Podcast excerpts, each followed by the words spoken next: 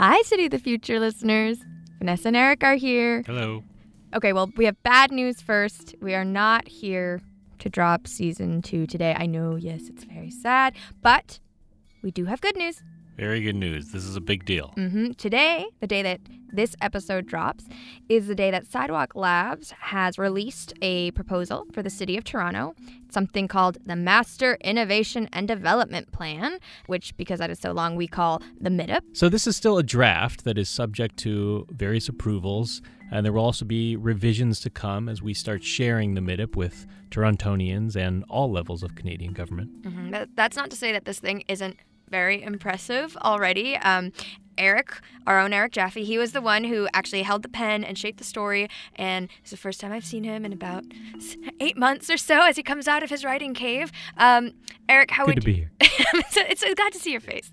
Um, how would you describe the MIDIP? It is first and foremost a proposal for Toronto and improving quality of life along the waterfront, but it is also a, a kind of global guidebook for urban innovations and it reflects a- a lot of the work that the experts here at Sidewalk Labs across all areas of urban life have been working on for their entire careers. So um, it's, uh, it, it's a big deal. And, and it's a big book too. I just I saw it. It's like it's huge. It's three volumes and it's over. Is it how many pages long? It's 1,524 pages and 18 pounds. 18 but who's counting? and we're going to read it all to you now. Right, right. This is now the audiobook presentation of the MIDIP. No, but we will cover some of the innovations in the MIDIP today because a lot of those innovations that are in the book are also the things that we're going to be exploring in season two of the podcast. So we figured, since today is a special day, that we would drop a special bonus episode with a special guest. You cannot look at urban systems in isolation. One of the real complexities of putting together a plan is trying to understand all those different strands and then making sense of them together. So that's Dan Doctoroff, CEO and founder of Sidewalk Labs, who dropped by to talk about season two and the MIDIP and all the innovations we're proposing in this plan. Should we get started? Let's do it. To get us started, I want to just first ask you so, if the MIDIP gets approved and we can move forward with Toronto on this huge vision, um, can you just describe for our listeners wh- what will this look like? We actually will produce the most innovative district in the entire world. And that is true across every dimension of urban life that has sort of, I think, incredible innovations, including things like tall timber buildings that'll be almost the entire building stock From season one. from season one. you know, to dynamic roads, to affordability, to a sustainability plan that actually does produce a climate positive community. Mm-hmm. And sustainability and affordability actually are both at the heart of an episode that we are working on for season two, all about electrification. And so for this bonus episode, uh, we're going to play you some clips from season two. First, uh, let's hear from Charlotte Matthews, who is our head of sustainability, um, talking about a new term that she and her team have been using as they've been developing their plan for Quayside, which is the neighborhood we're hoping to plan in Toronto. We created this term of affordable electrification. Usually it's called beneficial electrification, which is the idea of electrifying things to reduce the GHG intensity. But we've now coupled it with affordability to say, how do you provide that in an affordable way? Our vision is that we can use Quayside as a proof of concept for these things and show that people's utility bills can be, at worst, the same, and yet they're living in a neighborhood that's all electric, super low GHG, or actually climate positive. So that's our thing. Charlotte has produced a, I think, remarkable vision for this all electric vision. And it's not easy. It does require innovation in the way we manage electricity in buildings, giving people the tools to both save money and to save the planet. To, to be honest, it's about the relationship with local utilities. Um, it's about the construction of the energy infrastructure. And what we've done is really sort of document how we actually get to climate positive how much it's actually going to cost to actually get there, at what point we actually achieve scale so that there doesn't have to be some sort of subsidy. And I, again, I think if we can actually do it, this is going to be a model that everybody looks to. Mm-hmm. And one of the things that I've been learning from researching this episode about the electrification of buildings is just how comprehensive a sustainability strategy has to be. There are so many parts from the grid itself to like the current of the electricity to the way that people get their energy bills and even though it's incredibly complex, it it can be done. I mean, it has to be done.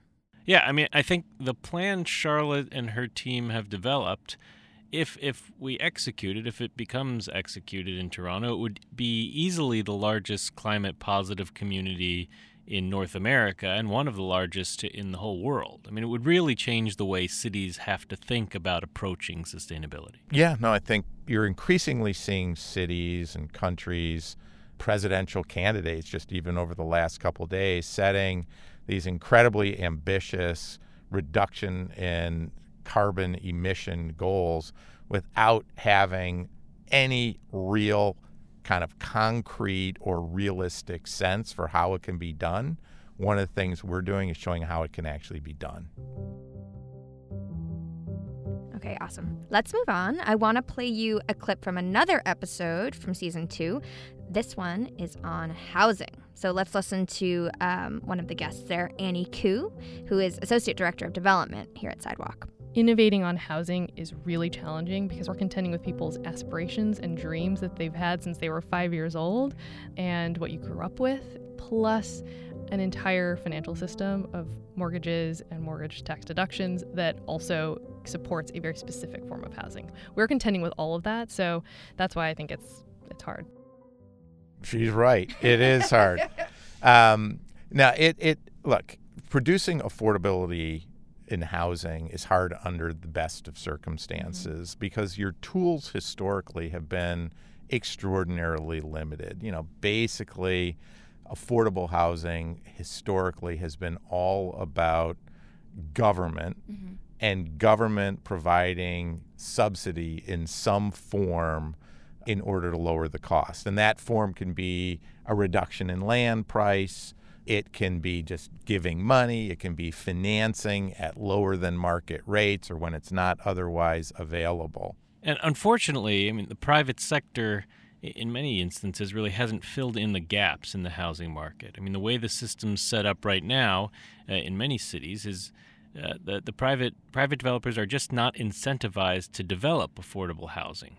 Mm-hmm. Which is also part of the reason why Toronto was interested in this kind of project in the first place. Yeah, no, I think we started off right from the very beginning with this government entity in Toronto, Waterfront Toronto, had been saying, look, you know, the way we're developing things so far is if we leave it to just plain old market forces, what we're going to get, particularly on our valuable waterfront, is a bunch of condos that basically nobody can afford, right?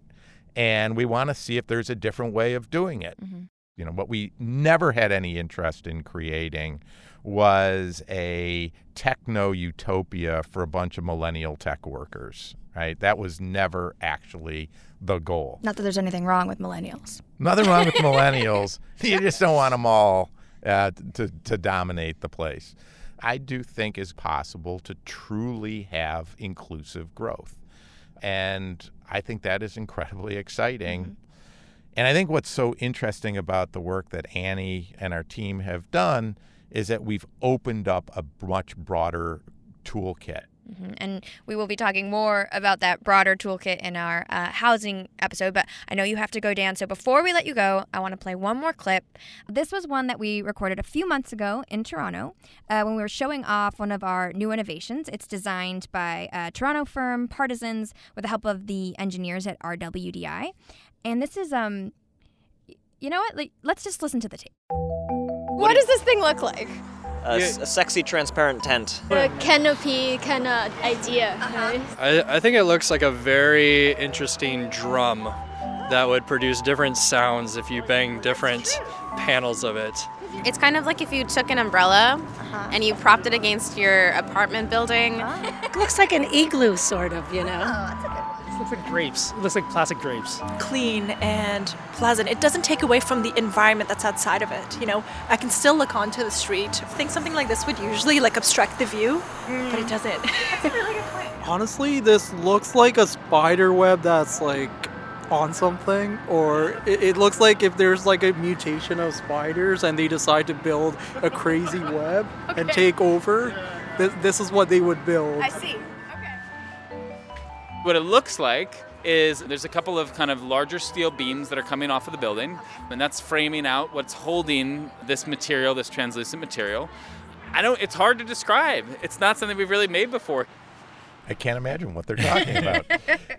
no, what they're talking about there is what we call building raincoats, mm-hmm. which, as you heard, is sort of an extension almost of the building, but a transparent extension of the building that creates just a lot more outdoor space that's usable a larger percentage of the time. And, you know, in Toronto, but this is true in lots of places, the, the climate is tough. Mm-hmm. And, you know, they've kind of oriented much of their public realm to be indoors because it's so harsh outside. Mm-hmm. And and those clips actually come from the unveiling of the building raincoat at our workspace in Toronto. And it was really remarkable because there was a there was actually a snowstorm. It was snowing on us. It was really cold, and yet I think about 800 Torontonians came out, and they were just so excited to see something that's never been done before. Yeah, you know, the fact that nearly a thousand people would show up is just such an indication of how people understand that making the public realm more usable more of the time is maybe the single best way you can actually create community. And so the question we asked ourselves is how do you actually think about getting people outside a lot more? And what are the technologies that can actually enable you to do that? Mm. So, community is definitely one of the big themes that has come up a lot while we've been preparing season two, uh, as has affordability. And, and obviously, those themes are critical in the MIDIP itself. Um, but there's one more important theme that's important to the MIDIP and season two that we haven't really touched on yet, and that's flexibility. That is an uber theme throughout everything in the mid MIDIP. Look, places evolve, mm-hmm. and if you can make them evolve more easily, then as tastes, technologies, and trends change, you don't have the huge transaction costs, and it's better for everybody. A second one, and you, you mentioned affordability. To some extent, affordability not completely, but is a function of shareability. Um, and to the extent that we can actually use our resources more efficiently, um, then we actually are able to save money across a lot of different things. You know, the whole purpose of innovation, the whole purpose of technology is not for technology's sake in and of itself, it's to make people's lives better. Mm-hmm. That's why all of us at Sidewalk are into this. We think there is the potential to make people's lives better. Yes, and if the MIDIP moves forward, of course, other cities will be inspired by it too. I, I think what's going to happen is is that people are going to look to this as the whether a blueprint or a cookbook or encyclopedia, how-to manual for how to integrate cutting edge innovation into the physical environment. And that is not to say that other places are going to simply lift what we've done here and drop it into their site. But what they'll do is they'll look to this for inspiration. They will look to this for specific guidance on how to think about 21st century innovation and how it can fundamentally improve people's lives. Thank you, Dan. Dan has to go. But thank you so much. We really uh, appreciate it. You guys it. are the best. I want to come on all great. the time.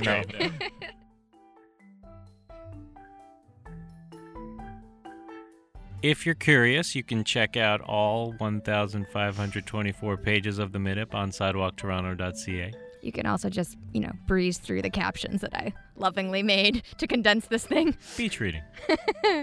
and you should definitely stay tuned for season two. Keep your eyes on this feed. And yeah. See you in the future. See ya.